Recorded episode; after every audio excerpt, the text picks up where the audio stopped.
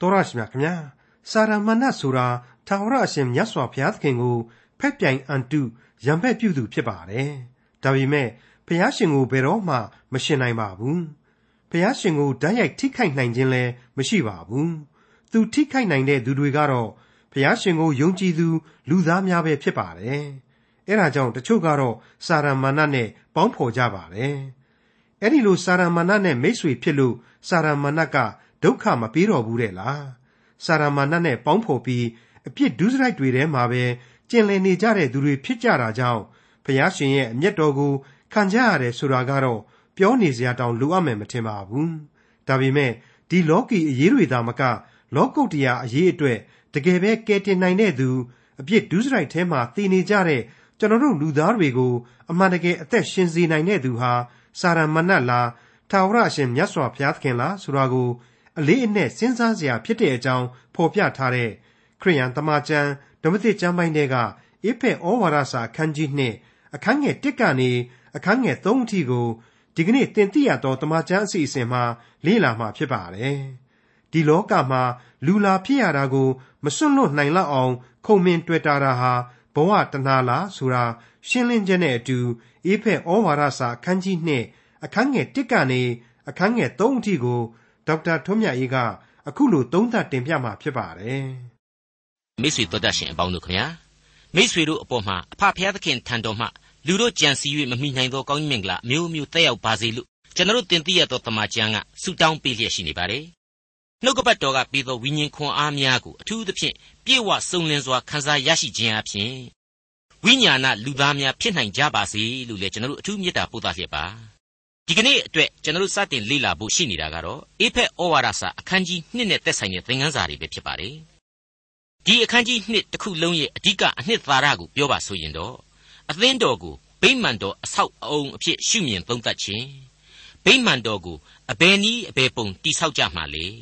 ဗိမာန်တော်ကိုဘာကြောင့်တိဆောက်ခြင်းဖြစ်တယ်လဲဆိုတဲ့အကြောင်းတွေပဲဖြစ်ပါတယ်။ကြိုတင်ကျွန်တော်ဖော်ပြခြင်းတဲ့အချက်တစ်ခုကတော့ဒီအခန်းကြီး2ဟာအခန်းကြီး1ရဲ့အတွေးအခေါ်များကို ဆက်လက်သယ်ဆောင်လာလိမ့်အောင်မယ်ဆိုတဲ့အကြောင်းဖြစ်ပါတယ်။ပြီးခဲ့တဲ့အခန်းကြီး1ရဲ့ဏိဂုံးပိုင်းမှာဘုရားသခင်ရဲ့ကြီးမြတ်လာတဲ့တကိုးတော်ဟာခရစ်တော်ကိုအသေးခံခြင်း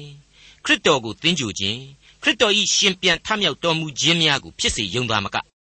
ကောင်းကင်နိုင်ငံတော်ကိုပြန်လဲတက်ကြွစေတဲ့အထိအံ့ဩပွေအင်အားကောင်းမွန်လှတယ်။အင်အားကောင်းမွန်လှစွာနှင့်အသေးခံခြင်းသင်ကြူခြင်းရှင်သန်ထမြောက်ခြင်းတို့ကိုဖြစ်စေအောင်ဘုရားသခင်စီရင်ခဲ့တယ် လူအုံနှောက်နဲ့ခံယူနိုင်ဖို့ဆိုတာဟာအဆင့်ချင်းအလွန်အလွန်ကွာဟလွန်းလှတယ်ဆိုတာကိုကျွန်တော်ဖော်ပြခဲ့ပါတယ်အခုဒီအခန်းကြီး2ဟာဖြင့်အဲ့ဒီတကိုးတော်နဲ့ပဲဆက်ဆက်နေပါတယ်ကျွန်တော်အပြစ်ဒုစရိုက်လူသားတွေဟာလေခရစ်တော်အားဖြင့်သာဝရအသက်ကိုရရှိနိုင်ခြင်းဟာအဲ့ဒီတကိုးတော်ကြောင့်သာလျှင်ဖြစ်တယ်ဆိုတာကိုဆက်လက်ပြီးတော့ဖော်ပြသွားမှာဖြစ်ပါတယ်မိတ်ဆွေအပေါင်းတို့ခင်ဗျာကျွန်တော်မိတ်ဆွေတို့ရဲ့ဘုရားသခင်ကိုယုံကြည်ခြင်းဆိုတာဟာ အကယ်စင်စစ်အဲ့ဒီအကျွင့်မဲ့ဘုံတကိုးတော်ကိုယုံစားကြတာပဲဆိုရင်ရေပုံရအားဖြင့်မမှားပါဘူးဒီဘုံတကိုးတော်ကိုလည်းကျွန်တော်တို့ဟာယိုသေးလေးစားကြရတယ်ဥညွတ်ပြတ်ဝတ်ကြရတယ်ဒီဘုံတကိုးတော်ကိုကျွန်တော်တို့ခံယူလိုကြတယ်ဆိုရင်လေညှင်းနိုင်မှာမဟုတ်ပါဘူးအဲ့ဒီတကိုးတော်အကြောင်းကိုပဲခရိယန်တို့ရဲ့စာပေမဂ္ဂဇင်းတွေထဲမှာလေနေ့စဉ်အီစတာအချိန်ရောက်တိုင်းမှာစာရေးဆရာကြီးတွေဆောင်းပါးရေးဆရာတွေလင်္ကာကဗျာဆရာတွေဟာအထူးချက်တွင်ဆက်ဆိုတတ်ကြတယ် ချီးကျူးထောမနာပြုကြတယ်ဖော်ပြကြတယ်ဂုံပြုကြတယ်ဆိုတာကိုကျွန်တော်တို့တွေ့နေရပါတယ်အဲ့ဒီလိုရှင်ပြန်ထမြောက်ခြင်းအကြောင်းကိုစတ်ဆူရာလင်္ကာကလေးတွေထဲမှာမှ FR Havergal ဆိုတဲ့ကဗျာဆရာရဲ့လင်္ကာလေးတစ်ပုဒ်ကိုကျွန်တော်အထူးပဲနှိမ့်ချိုက်မိပါတယ် Oh let me know the power of resurrection ဆိုပြီးတော့အစချီထားတဲ့ဒီရှင်ပြန်ထမြောက်တော်မူခြင်းတကူတော်အကြောင်းကိုလူသားတယောက်အနေနဲ့ကြပြဆရာဟာနားလေခြင်းလိုက်တာဆိုတဲ့ဆန္ဒကိုသူ့ရဲ့လင်္ကာထဲမှာဖော်ကျူးထားပါတယ် အနည်းဆက်ဆုံးဘာသာပြန်ရမယ်ဆိုရင်တော့သိခွင့်ပြုပါဆိုပြီးတော့ကျွန်တော်ပြန်ဆိုခြင်းပါတယ်ဒီလင်္ကာလေးကိုကျွန်တော်မြန်မာမှုပြုထားတာကိုမိတ်ဆွေတို့နားဆင်ကြည့်ကြပါသိခွင့်ပေးပါသိခွင့်ပေးပါရှင်ပြန်နိုင်သည့်အထိသခင်၌ရှိသောအစွန်းထွန်းလင်းသောတကူနိုးထခြင်းတတ္တိကျွန်ုပ်ကောင်းစွာမသိရှိခွင့်ပေးပါရှိခွင့်ပေးပါနှွေးထွေးလုံခြုံအသက်ဂုံနှင့်တကွထာဝရအလင်းယုံကြည်ခြင်းတတ္တိကျွန်ုပ်၌ကောင်းစွာမရှိသိခွင့်ရှိခွင့် ပေးပါလင့်ပေးပါလင့်အံ့ဩပွေသောအသက်လန်းခရီးကိုသာကျေးဇူးတော်ကြောင့်ရှောက်နေရတယ်ဒီအသက်တရားရဲ့အင်အားကိုလူသားဟာကျေးဇူးတော်အဖြစ်ခံစားတာခံစားကြရတာပိုင်ပိုင်နိုင်နိုင်နားမလည်ဘူးမသိဘူးမကျွမ်းဘူးဒါကြောင့်မလို့သိကျွမ်းခြင်းတွေလက်ဖြစ်တတွလောကအရာတွေကိုလက်ထက်မှာကင်တယ်လို့ကင်တွယ်ထားခြင်းလှပါတယ်ဆိုတဲ့လောဘသဘောတရားကလေးကိုကြပြာဆရာကြီးဟေဗာဂဲလ်ဟာဖော်ပြလိုက်တယ်လို့ကျွန်တော်ဒီနေရာမှာဝေဖန်ခြင်းပါတယ်အမှန်တော့ ဖျားသခင်ဟာကောင်းကြီးခံစား권ကိုသာလူကိုပေးတာဒီကောင်းကြီးနဲ့သက်ဆိုင်တဲ့ပဟေလိကိုတော့ပမောက္ခတယောက်လိုကြောက်တင်ဘုံပေါ်မှာလူသားကိုရှင်းမပြနိုင်ဘူးရှင်းမပြသင့်ဘူးထင်လို့ရှင်းမပြခဲ့ဘူးလို့ကျွန်တော်ကတော့ကျွန်တော်အုံနှောက်နေကျွန်တော်တွက်ဆပါတယ်အစစအရာရာအသေးစိတ်သိကျွမ်း권ဆိုတာဟာဘုရားသခင်ဘက်ကနေကြည့်ရင်လူသားကိုမပေးနိုင်ပါဘူးအဲ့ဒီလိုကျွန်တော်ကတော့ခံယူပါတယ်ဒီလိုမပေးနိုင်တာဟာလေတခြားကြောင့်တော့မဟုတ်ဘူးရာစုနှစ်ပေါင်းများစွာသောအချိန်ကာလအတွင်းမှာ ဘုရားသခင်ကနေပြီးတော့လူသားတွေကိုမင်းတို့ဒီကိစ္စတွေကိုသိကြဟေနားလေကြဟေဆိုပြီးတော့သိခွင့်ပေးလိုက်တာ ਨੇ အဲ့ဒီဘုရားသခင်ပေးတဲ့အတတ်ပညာပေါ်မှာလူသားဟာမှောက်မှောက်မှားမှားသုံးဆွဲတတ်ကြလို့ပဲဥပမာကျွန်တော်ပြောရမယ်ဆိုရင်ရာစုနှစ်ပေါင်းများစွာသောအချိန်ကာလအတွင်းမှာအနုမြူသိပ်ပံကိုဘုရားသခင်ဟာလူသားကိုပေးခဲ့လို့လားမပေးခဲ့ပါဘူးတမင်တကာဖုံးကွယ်ထားခဲ့ပါတယ်ဟောအခုတော့အဲ့ဒီအတတ်ပညာကိုလူသားကိုဘုရားသခင်နားလေစေပြီ နားလည်ဖို့ခွင့်ပြုလိုက်ပြီခွင့်ပြုလိုက်ပြီဆိုတာ ਨੇ ဘာဖြစ်တယ်ထင်လို့အဲ့ဒါကတော့ကျွန်တော်ပြောဖို့တောင်မလိုပါဘူးလူတိုင်းအားလုံးသိတဲ့အတိုင်းပဲလူတ attva ဟာကြောက်စရာကောင်းလှတဲ့ attva တွေချက်ချင်းဖြစ်ကုန်ကြပြီမဟုတ်ဘူးလားအန်တီရေကောင်ကြီးတွေဖြစ်လာကြပြီဆိုတာကိုလူလူချင်းကိုနားလေတယ်ခန်းစားရတယ်ဟုတ်ပါတယ်အဲ့ဒီအတတ်ပညာနဲ့ပဲဒီကဘာကြီးဟာကြိမ်မီအောင်တကယ်သူတုံ့လှုပ်နေရတယ်စစ်ကြီးတွေကိုလူသားတိုင်းဟာကြောက်လန့်နေကြရပြီမဟုတ်ဘူးလား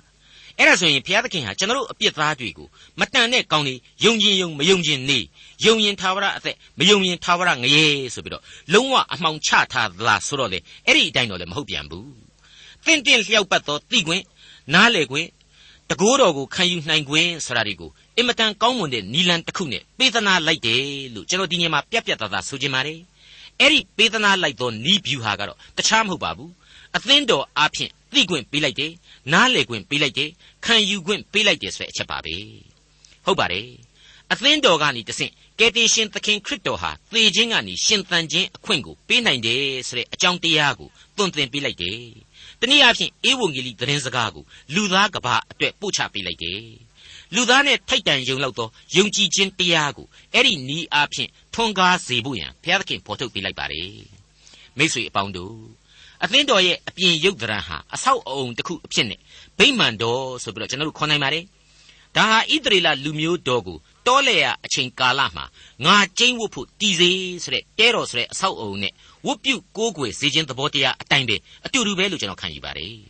ဒါဆိုရင်ဒီတဲတော်သို့မဟုတ်ဗိမာန်တော်အဆောက်အအုံတွေရဲ့သဘောတရားဟာဘာလဲဆိုတာကိုပနာမလေ့လာသင့်တယ်လို့ကျွန်တော်ယူဆပါတယ်ဒါကြောင့်မလို့ကျွန်တော်အနည်းငယ်ရှင်းပြပါရစေကျွန်တော်ပြောခဲ့တဲ့အတိုင်းပဲ ဒီအဆောက်အုံအပေါင်းတို့ဟာငါတဲခိုရာအရာဖြစ်စီမယ်ငါကိုလာရောက်ဝတ်ပြုကြငါ့ကိုကိုးကွယ်ကြဆိုပြီးတော့ဘုရားသခင်ကပြောလိုက်တာနဲ့ပဲတခါတည်းတကိုးထွားသွားရတဲ့အသက်မဲ့သောရုပ်ဒရက်အဆောက်အုံတွေကြီးပဲဖြစ်ကြပါလေဥပမာကျွန်တော်ပြောရမယ်ဆိုရင်တဲတော်မှာဆိုရင်အကာရှတစ်သားတဲ့ပြီးတော့မှဗြိညင်တစ်တာတော်ကြီးတဲ့ရွှေတွေငွေတွေကိုလည်းထုံမွန်းစေတဲ့အဲ့ဒီတိုင်ဘုရားသခင်ခိုင်းပါလေအဲ့ဒီလိုပါပဲ အခုကျွန်တော်တို့ဗိမှန်တော်ဒီမှာကြတော့တစ်တိုင်တွေသွတ်တွေကျွန်းတွေအုတ်ခဲတွေနဲ့ဘိလက်မြေတွေပါဝင်ဖွဲ့စည်းထားပါတယ်အကုန်လုံးဟာသက်ရှိအရာရဲ့လို့မရှိဘူးသက်မဲ့ပစ္စည်းတွေကြီးပဲဖြစ်ကြပါတယ်အဲ့ဒီအသက်မဲ့သောအရာများနှင့်တိဆောက်ထားတဲ့ရုပ်တရက်အဆောက်အုံတွေမှာကြတော့အသက်ရှင်တော်မူသောဘုရားသခင်ရဲ့တန်ရှင်းသောဝိညာဉ်တော်ဟာလူသားတွေစီကနေတဆင့်လှုပ်ရှားခြင်းရှိတယ်ဆိုတဲ့အချက်ကိုဖော်ပြလိုက်ပါတယ်မိတ်ဆွေအပေါင်းတို့ခမညာဒါဟာရှင်ပြန်ထမြောက်တော်မူခြင်းအကြောင်းကို သတိပြုမိစေဖို့ဒီတဲတော်ဒီဗိမှန်တော်တို့ဟာသက်မဲ့ယုတ်တရအဆောက်အုံများအဖြစ်နဲ့ကျွန်တော်တို့ကိုအသက်ရှင်ခြင်းတရားအကြောင်းကိုသတိပေးလျက်ရှိနေတယ်လို့ကျွန်တော်ဆိုချင်ပါတယ်အဲ့ဒီနှမျိုးသောပြင်ပရုပ်ပစ္စည်းတို့လိုမျက်စိနဲ့မမြင်ရတဲ့အသင်းတော်ဆိုတာကြတော့ခရစ်တော်ရဲ့တကြိမ်ကြီးသောအသေးခံတော်မူခြင်းအဖြစ်အလွန်နဲ့နဲ့တဲ့ဝိညာဉ်ရေးအတိတ်ပဲကိုပြောင်းလဲဆောင်ယူသွားခဲ့ပါတော့တယ်ဟေဘရဲဩဝါဒစာအခန်းကြီး9 အငယ်24မှ26ကိုကြည့်မယ်ဆိုရင်အတိတ်ပဲဟာရှင်းနေပါလိမ့်မယ်ထို့သောနှင့်အညီမှန်သောတန်ရှင်းရာဌာနတို့၏ပုံဖြစ်သောလူတို့လက်ဖြင့်လှုပ်သောတန်ရှင်းရာဌာနတဲသို့ခရစ်တော်သည်မဝင်ပေငါတို့အတွက်ကြောင့်ယခုဖျားသခင်၏ရှေ့တော်၌ကိုကိုပြခြင်းဟာကောင်းကျင်ကိုယ်ထဲသို့ဝင်တော်မူပြီသို့တော်လည်းယေဘရဟိတ်မင်းသည်တန်ရှင်းရာဌာနတဲသို့သူတို့ဘာအသွေးနှင့်နှစ်တိုင်းအစဉ်ဝင်ရတဲ့ကဲ့သို့ ခရစ်တော်သည်အဖန်များစွာကိုကိုပူဇော်ရသည်မဟုတ်ထို့သောပူဇော်ရသည်မှန်လျင်ကဘာဥမှစ၍အဖန်များစွာအသေးခံတော်မူရ၏ယခုမူကားဤကပ်ကာလအဆုံး၌တခါဒီကိုကိုပူဇော်သောအဖြစ်အပြစ်များကိုတုတ်တင်ပယ်ရှင်းခြင်းဟာပေါ်ထွန်းတော်မူ၏ရှင်းနေပါတယ်နော်ခရစ်တော်ရဲ့အသင်းတော်ဆိုတာကြတော့တဲတော်တို့ဗိမာန်တော်တို့ဆိုတဲ့တက်မဲ့အဆောက်အုံဒီတဲမှာရစ်ပူဇော်ခြင်းမျိုးအကြောင်းကိုမဖော်ပြတော့ဘူးမလိုတော့ဘူး အဲ့ဒီလိုသိုးသွေးနွားသွေးစိတ်သွေးတို့နဲ့ရစ်ပူဇော်ခြင်းအစားကယ်တင်ရှင်သခင်ခရစ်တော်ရဲ့အသေးခံတော်မူခြင်းအဖြစ်အပြစ်ကင်းရှင်းသောတန်ရှင်းသူတို့၏အစုအဖွဲ့ဖြစ်သွားရပြီဒီတော့ကယ်တင်ရှင်သခင်ခရစ်တော်ရဲ့ဝိညာဏအသင်းတော်ဟာတဲတော်ဗိမာန်တော်တို့ရဲ့ရှေးဘိုးစဉ်ပေါင်ဆက်အစဉ်အလာတီတဲမှာသာနစ်မြုပ်နေအပ်တဲ့အရက်မဟုတ်တော့ဘူးဆိုတာရှင်းနေပြီ အထူးသဖြင့်လူသားတို့ရဲ့လက်တွေနဲ့သက်မဲ့ပစ္စည်းတွေစုပုံပြီးတော့တိဆောက်အပ်သောအရာမျိုးလေအရှင်းမဟုတ်တော့ဘူးဆိုတာဟာအသစ်သောသဘောတရားသစ်အဖြစ်ရှင်းရှင်းကြီးပေါ်ထွက်နေပြီမိတ်ဆွေတော်တတ်ရှင်အပေါင်းတို့ခမညာတမန်တော်ဝတ္ထုအခန်းကြီး16အငယ်24မှ26ကိုပြန်ပြီးတော့ကြည့်စီခြင်းပါတယ်ရှင်ပေါလုကိုယ်တိုင်အခုလိုအလွန်ထူးခြားတဲ့အသင်းတော်ရဲ့သဘောတရားသစ်အကြောင်းကိုတင်ပြလိုက်ပါတယ်လောကဓာတ်မှစ၍လောကဓာတ်၌ရှိလေသမျှသောအရာတို့ကိုဖန်ဆင်းတော်မူသောဘုရားသခင်သည် ကောင်းကင်နှင့်မြေကြီးကိုအစိုးရတော်မူသောအရှင်ဖြစ်၍လူတို့လက်ဖြင့်လှုပ်သောဗိမာန်၌ကျင်းဝတ်တော်မူသည်မဟုတ်ဘုရားသခင်သည်ခတ်သိမ်းသောသူတို့အားဇီဝအသက်နှင့်တကွထွက်သက်ဝင်သက်မှစ၍ခတ်သိမ်းသောအရာတို့ကိုပေးတော်မူသောအရှင်ဖြစ်၍တစုံတစ်ခုကိုအလိုတော်ရှိတဲ့ကဲ့သို့လူတို့လက်ဖြင့်ကြွေးမွေးခြင်းကိုခံတော်မူသည်မဟုတ်ဘုရားသခင်သည်မြေတပြင်လုံး၌နေရသောလူအမျိုးမျိုးတို့ကိုတသွေးကြီးနှင့်ဖန်ဆင်းတော်မူ၍သူတို့အားခွဲဝေစီမံသောအချိန်ကာလကို၎င်း သူတို့၏နေရာအပိုင်းအခြားကို၎င်းမှတ်သားတော်မူ၏ဘလောက်အဓိပ္ပာယ်ရှိသလဲအသင်းတော်ကြီးတွေလှဖို့ပဖို့ထဲထဲဝါဝါဖြစ်ဖို့အဆောက်အုံကြီးကြီးဖို့သူများအပေါ်မျှော်ကြည့်ရလောက်အောင်မြင့်ဖို့အရေးမကြီးဘူးယုံကြည်သူတို့ရဲ့ဝိညာဉ်များလှပဖို့နဲ့ယုံကြည်ခြင်းအဆင့်အတန်းမြင့်ဖို့ဟာအထူးပဲလိုအပ်နေပါလေဒါနဲ့ပတ်သက်လို့တခါကောရိန္သုဩဝါဒစာပထမစာဆောင်မှာတော့မိတ်ဆွေတို့တွေ့ကြရပြီးပါပြီအခန်းကြီး6အငယ်16နဲ့20ဟာလေအဲ့ဒီသဘောတရားကို ကောရိန္သုဩဝါဒစာမှာထပ်မံပြီးတော့ပေါ်လွင်စေပါတယ်အဘဲသို့နီသင်တို့ကိုခန္ဓာသည်ဖျားသခင်ပေးသနာတော်မူသောဝိညာဉ်တော်ကြီးဟုသောသင်တို့အထက်၌ကျင်းဝတ်၍တန်ရှင်းသောဝိညာဉ်တော်၏ဗိမှန်ဖြစ်ကြောင်းကို၎င်းမိမိတို့ကိုမိမိတို့မပိုင်ကြောင်းကို၎င်းမသိကြသလောသင်တို့သည်အဖိုးနှင့်ဝယ်ယူတော်မူသောသူဖြစ်သောကြောင့်ဖျားသခင်ပိုင်တော်မူသောသင်တို့၏ကိုခန္ဓာနှင့်စိတ်ဝိညာဉ်အားဖြင့်ဖျားသခင်၏ဂုဏ်တော်ကိုထင်ရှားစေကြလောမိတ်ဆွေအပေါင်းတို့ခမညာ ဒီအတိုင်းဆိုရင်အသင်းတော်ဆိုတဲ့ယုံကြည်ခြင်းရှိသူတို့ရဲ့အစုအဖွဲ့ဆရာဟာပြီးခဲ့တဲ့သင်ခန်းစာတို့ဖော်ပြခဲ့တဲ့အတိုင်းပဲခရစ်တော်ကြီးဟူသောဥကောင်းတော်နဲ့ခန္ဓာတော်သာဖြစ်တယ်။ကယ်တင်ရှင်သခင်ခရစ်တော်ကြီးဟူသောဥကောင်းတော်ရဲ့အောက်မှာတည်ရှိရမယ့်အစုအဖွဲ့သာဖြစ်တယ်။တစ်ချိန်တည်းမှာဒီအသင်းတော်ကိုယုံမျက်စိနဲ့ရှုမြင်ရတဲ့ဗိမာန်တော်အဆောက်အုံဆိုတာဟာသက်မဲ့လောကမှာတဖန်ရှင်ပြန်ထမြောက်နိုင်ခြင်းရဲ့နမိတ်လက္ခဏာကိုဆောင်ယူထားတယ်ဆိုတဲ့တစ္ဆာတရားများပေါ်ထွက်လာပါတယ်။ အဲ့ဒီလိုသက်မဲ့ယုတ်တရအဆောက်အုံတို့အပေါ်မှာကျွန်တော်ယုံကြည်သူတွေအခုလိုခံယူတာဟာအခုခေတ်ကြမှာဆိုရင်လည်းမှားပါလိမ့်မယ်ဓမ္မရာဇဝင်တတိယစာဆောင်အခန်းကြီး၈အငယ်29မှာရှောလမုန်ဘယ်လိုဖော်ပြခဲ့သလဲဆိုတာမှတ်တမ်းမှတ်ရနေရှိနေပါတယ်ဖျားသခင်သည်မြေကြီးပေါ်မှာဧကန်အမှန်ကျင်းဝတ်တော်မူမည်လောကောင်းကင်နှင့်ကောင်းကင်တကားတို့၏အထွတ်အမြင့်ဆုံးသောကောင်းကင်သည်ကိုတော်ကိုမဆန့်မခန့်နိုင်သည်ဖြစ်၍အကျွန်ုပ်တိဆောက်သောဤအိမ်ကိုအဘယ်ဆိုပွေရာရှိပါသနည်းတဲ့ အဲ့ဒီတော့ရွေးကောက်တော်မူသောလူမျိုးတော်ကိုယ်တိုင်ဟာဖျားသခင်ဆိုတာအခန်းတစ်ခုထဲမှာရင်မွှေးဆွတ်ပြီးကြိုဆိုအပ်တဲ့ဖျားမဟုတ်ပန်းကုန်းဆွတ်ပြီးတော့ကြိုဆိုတိုက်တဲ့ဖျားလည်းမဟုတ်ရွှေတွေငွေတွေယရနာတွေအမျိုးစုံနဲ့ထုံမွန်းထားပြီးတော့မှရှ िख ိုးကိုးကွယ်အပ်တဲ့ဘုရားသခင်လည်းမဟုတ်ဘူးဆိုတာကိုရှေးကလေးကနားလည်ထားခဲ့ကြပြီးသားဆိုတာတွေ့ရပါတယ်ကျွန်တော်တို့ဒီကနေ့ရွေးကောက်တော်မူခြင်းခံရသူယုံကြည်သူတွေအတွက်ကြတော့တရက်ပို့ပြီးတော့အသိတရားထွန်းကားလာပါတယ် ဗိမာန်တော်ဆရာဟာဘုရားသခင်ကိုချစ်လို့ယုံကြည်ခြင်းအထိန်အမှန်လေးစားစွာပေါင်းစုဝတ်ပြုရာအယက်သာလျှင်ဖြစ်တယ်။ရှေးတုန်းကလိုနွားတွေသိုးတွေသတ်ပြီးတော့ရစ်ပူဇော်ဖို့လည်းမလိုဘူး။ခရစ်တော်ရဲ့အသေးခံတော်မူခြင်းကိုယုံကြည်တန်ရှင်းသောဝိညာဉ်တော်နဲ့အတူကိုးကွယ်ခြင်းဝတ်ကိုပြုရာသက်မဲ့အယက်သာလျှင်ဖြစ်တယ်။အဲ့ဒီသက်မဲ့အယက်မှာဘုရားသခင်ကိုကိုးကွယ်ယုံကြည်ရမှာတော့ပြတ်ဝတ်ရမှာတော့လူဝိညာဉ်နှလုံးသားတွေအတွင်းမှာ အသက်ရှင်သန်ခြင်းရှိနေဖို့သာလျှင်အရေးအကြီးဆုံးဖြစ်တယ်ဆိုတာကိုပို့ပြီးတော့နားလေလာကြရပါတော့တယ်မိတ်ဆွေအပေါင်းတို့အဲ့ဒီလိုတဲတော်နောက်ပိုင်းကျတော့ယေရုရှလင်ဗိမာန်တော်အဲ့ဒီဝေါ်ဟာရတွေနဲ့တကွဓမ္မဟောင်းကာလရဲ့ဗိမာန်တော်တွေရဲ့နောက်ထပ်ထူးခြားတဲ့အချက်တစ်ခုကတော့တပားမျိုးသားတို့အတွက်လေသီးသန့်နေရာကွက်လက်များထားရှိပေးရခြင်းပါပဲရှင်းရှင်းလင်းလင်းလူဘိန်းစကားနဲ့ပြောရမယ်ဆိုရင်တော့လူဒန်းစားခွဲခြားမှုရှိနေခဲ့ခြင်းပဲ ဒါဟာရှေးကာလကသာဖြစ်ခဲ့တဲ့အချက်အခုခရစ်တော်ရဲ့ကျေးဇူးတော်နဲ့ဂရုဏာတော်အချိန်ကာလမှာတော့ရှိသလားမရှိတော့ဘူးလားဆိုတာကိုရှင်ပေါလုကိုယ်တိုင်အခုကျမ်းရဲ့အငယ်73နဲ့74မှာအခုလိုဖော်ပြလိုက်ပါတယ်သင်တို့သည်အထက်ကဝေးလျက်ရှိတော်လေယခုမှယေရှုခရစ်၌ဖြစ်၍အသွေးတော်အဖျင်အနီးသို့ရောက်ကြပြီအဘယ်သို့နည်းဟူမူကားထိုသခင်သည်ငါတို့၏ယဉ်ငိမ့်ခြင်းအကြောင်းဖြစ်၏တဲ့မိတ်ဆွေအပေါင်းတို့ ဖော်ပြခဲ့တဲ့အချက်တွေအကုန်လုံးတို့ဟာဘုရားသခင်ရဲ့ရှေးမဆွကပင်လျင်ခွဲကန့်မှတ်သားခြင်းခရစ်တော်၏အသွေးတော်နှင့်ရွေးနှုတ်ကယ်တင်ခြင်းတန်ရှင်းသောဝိညာဉ်တော်နှင့်ပြည့်ဝခြင်းတစိုက်ခတ်ခြင်းစသဖြင့်ကျေးဇူးတော်ကြောင့်တိဆောက်ပေးလိုက်သောအသင်းတော်ရဲ့အခြေခံသစ္စာတရားများပဲဖြစ်လာကြပါလေဒီအချက်တွေပေါ်မှာမူတည်ပြီးတော့လေ့လာသွားမယ်ဆိုရင်အခုအေဖက်ဩဝါဒစာအခန်းကြီး2ဟာအလွန်အလွန်အရေးကြီးတဲ့အသင်းတော်ဆိုတဲ့ခေါင်းစဉ်အောက်မှာပြည်ပြင်းရှင်းလင်းခြင်းရှိသွားလိမ့်မယ်လို့ကျွန်တော်တင်ပြလိုက်ပါရစေ အေဖက်ဩဝါဒစာအခန်းကြီး2အငယ်1နဲ့2ကိုစတင်နားဆင်ကြကြပါစို့သင်တို့သည်အထက်ကလောကီတရားသို့လိုက်၍အာကာသကောင်းကင်ဤတကိုးကိုအစိုးရသောမင်းကြီးဟုသောညင်းဆန်သောသူတို့၌ပြုပြင်သောဝိညာဉ်ဤအလိုနှင့်အညီဒုစရိုက်အပြစ်တို့၌သာကျင်လေကြ၍ထိုဒုစရိုက်အပြစ်၌သေလျက်ရှိနေသောသင်တို့ကိုပင်ဖျားသခင်သည်အသက်ရှင်စေတော်မူပြီရှင်းရှင်းကလေးပါပဲ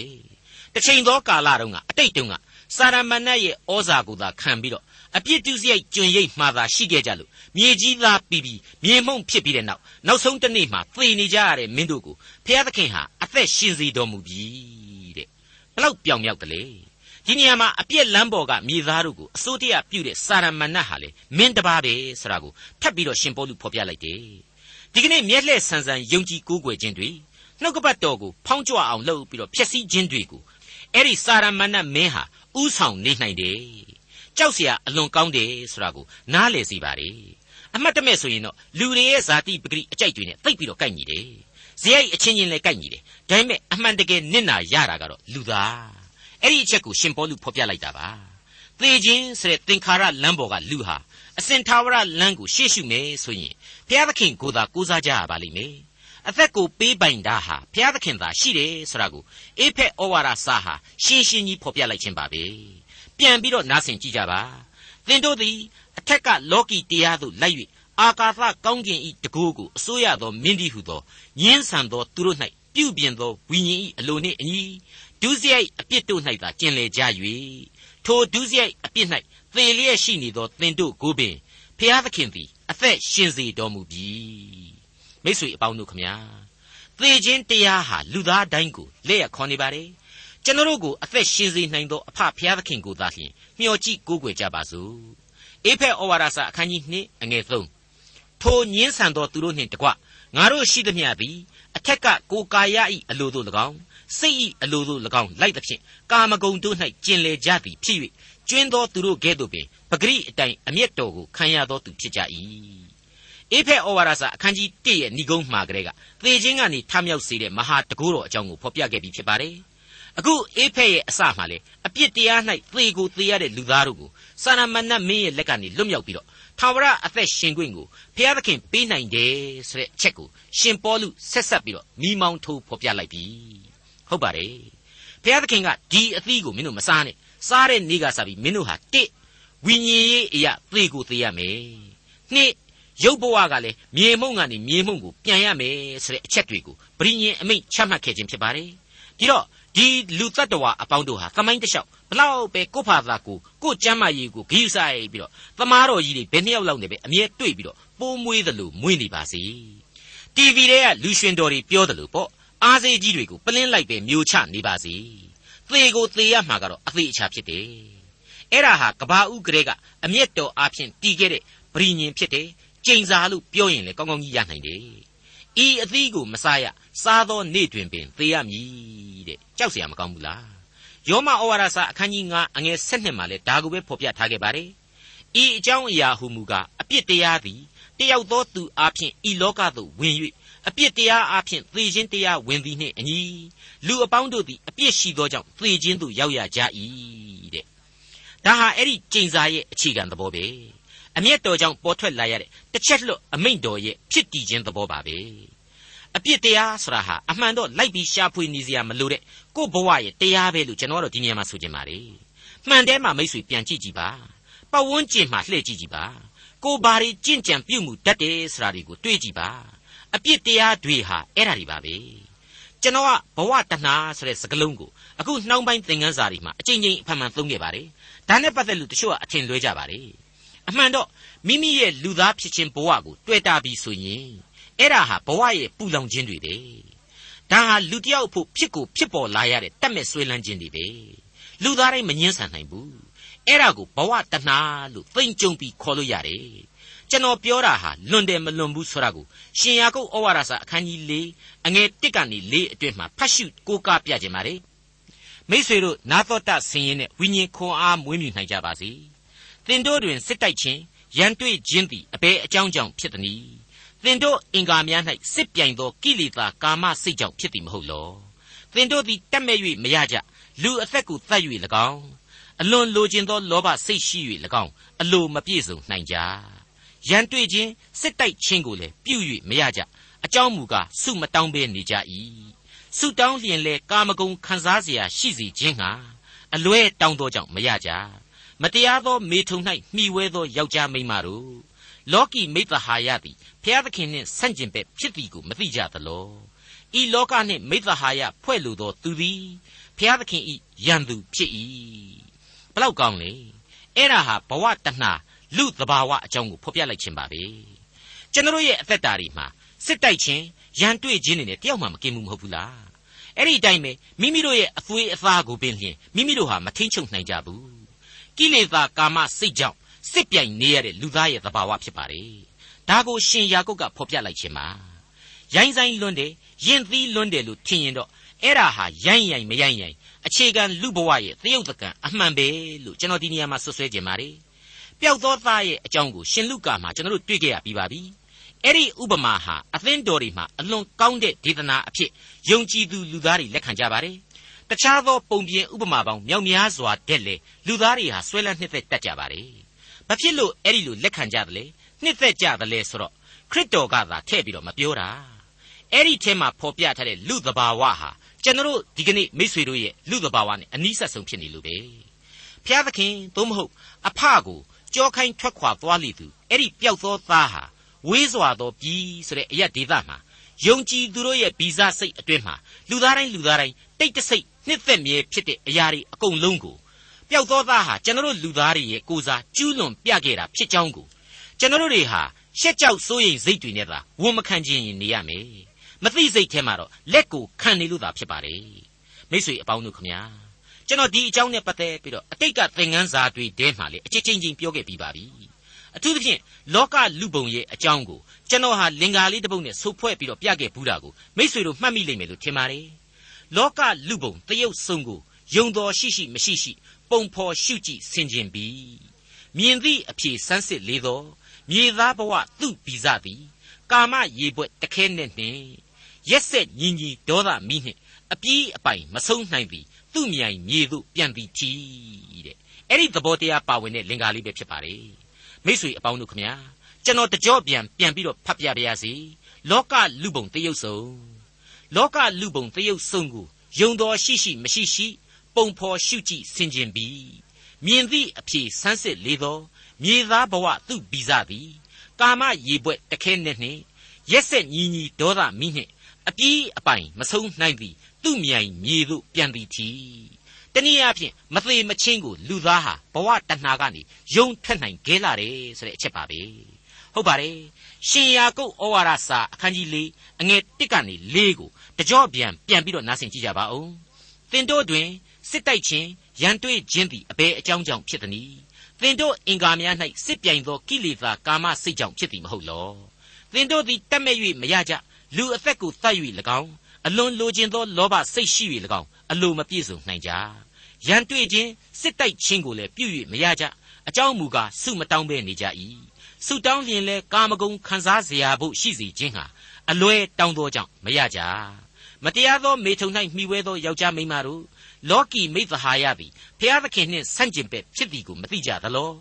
ဤလောကနှင့်မိသဟာယဖွဲ့လိုသောသူသည်ဖျားသခင်ဤရန်သူဖြစ်၏မိတ်ဆွေအပေါင်းတို့ခမညာ ကျွန်တော်လူသားတိုင်းလူသားတိုင်းဟာအပြစ်လူသားများကြီးဖြစ်တယ်ဖန်ဆင်းကာစကလေးကအဖဖျားသခင်ရဲ့စကားတော်ကိုနားမထောင်ခဲ့ဘူးဒီအခါမှာလောကရန်သေခြင်းစီကိုအမျက်တော်ကြောင့်ရှောက်လှမ်းသွားကြရတယ်ရှောက်လှမ်းရသောလမ်းဟာလေဇာတိပဂရိအသွေးအသားတို့နဲ့ရှောက်ရသောလမ်းမို့လို့အပြစ်တရားတွေနဲ့သာဝိုင်းဝိုင်းလဲနေပါတယ်ကြောက်เสียကောင်းတယ်လို့ယဉ်နှင့်เสียလဲအလွန်ကောင်းလာတယ်လို့ကျွန်တော်ဆိုချင်ပါတယ် ဘာပဲပြောပြောနှုတ်ကပတ်တော်အဖြစ်အဖဖခင်သခင်ရဲ့ကျေးဇူးတော်အသက်လန်းတည်ရှိနေခြင်းကိုကျွန်တော်ကြားနာခွင့်ရပြီလို့ကျွန်တော်ဆိုချင်ပါတယ်ဒါကြောင့်သေခြင်းစီကိုရှောက်လှမ်းနေရပေမဲ့အဲ့ဒီသေခြင်းကနေရှင်သန်ခြင်းကိုဖြစ်ပွားစေသူခရစ်တော်အဖြစ်အဖဖခင်သခင်ရဲ့ဘုန်းတော်ကိုလက်ခံယုံကြည်ကြပါထာဝရကာလရှင်သန်ခြင်းဆရာဟာဒီနီလန်တစ်ခုတည်းပဲတည်ရှိနေပါတယ်ဒီလိုကျေးဇူးတော်ကိုလက်ခံယုံကြည်သူတို့အားဖြင့်လေဘုရားသခင်ဟာအသင်းတော်ကိုတိဆောက်ပေးတယ် အဲ့ဒီအသင်းတော်ဟာတဲတော်နဲ့ဗိမှန်တော်လူမျက်စိနဲ့မြင်ရတဲ့ရုပ်တရက်အဆောက်အုံမဟုတ်ဘူးမျက်စိနဲ့မမြင်ရတဲ့ဝိညာဏအသင်းတော်ခရစ်တော်ဒီဟုသောဥကောင်းရဲ့ဥဆောင်မှုကိုခံယူတဲ့အသင်းတော်ဖြစ်ဖို့အထူးပဲလိုအပ်နေပါတယ်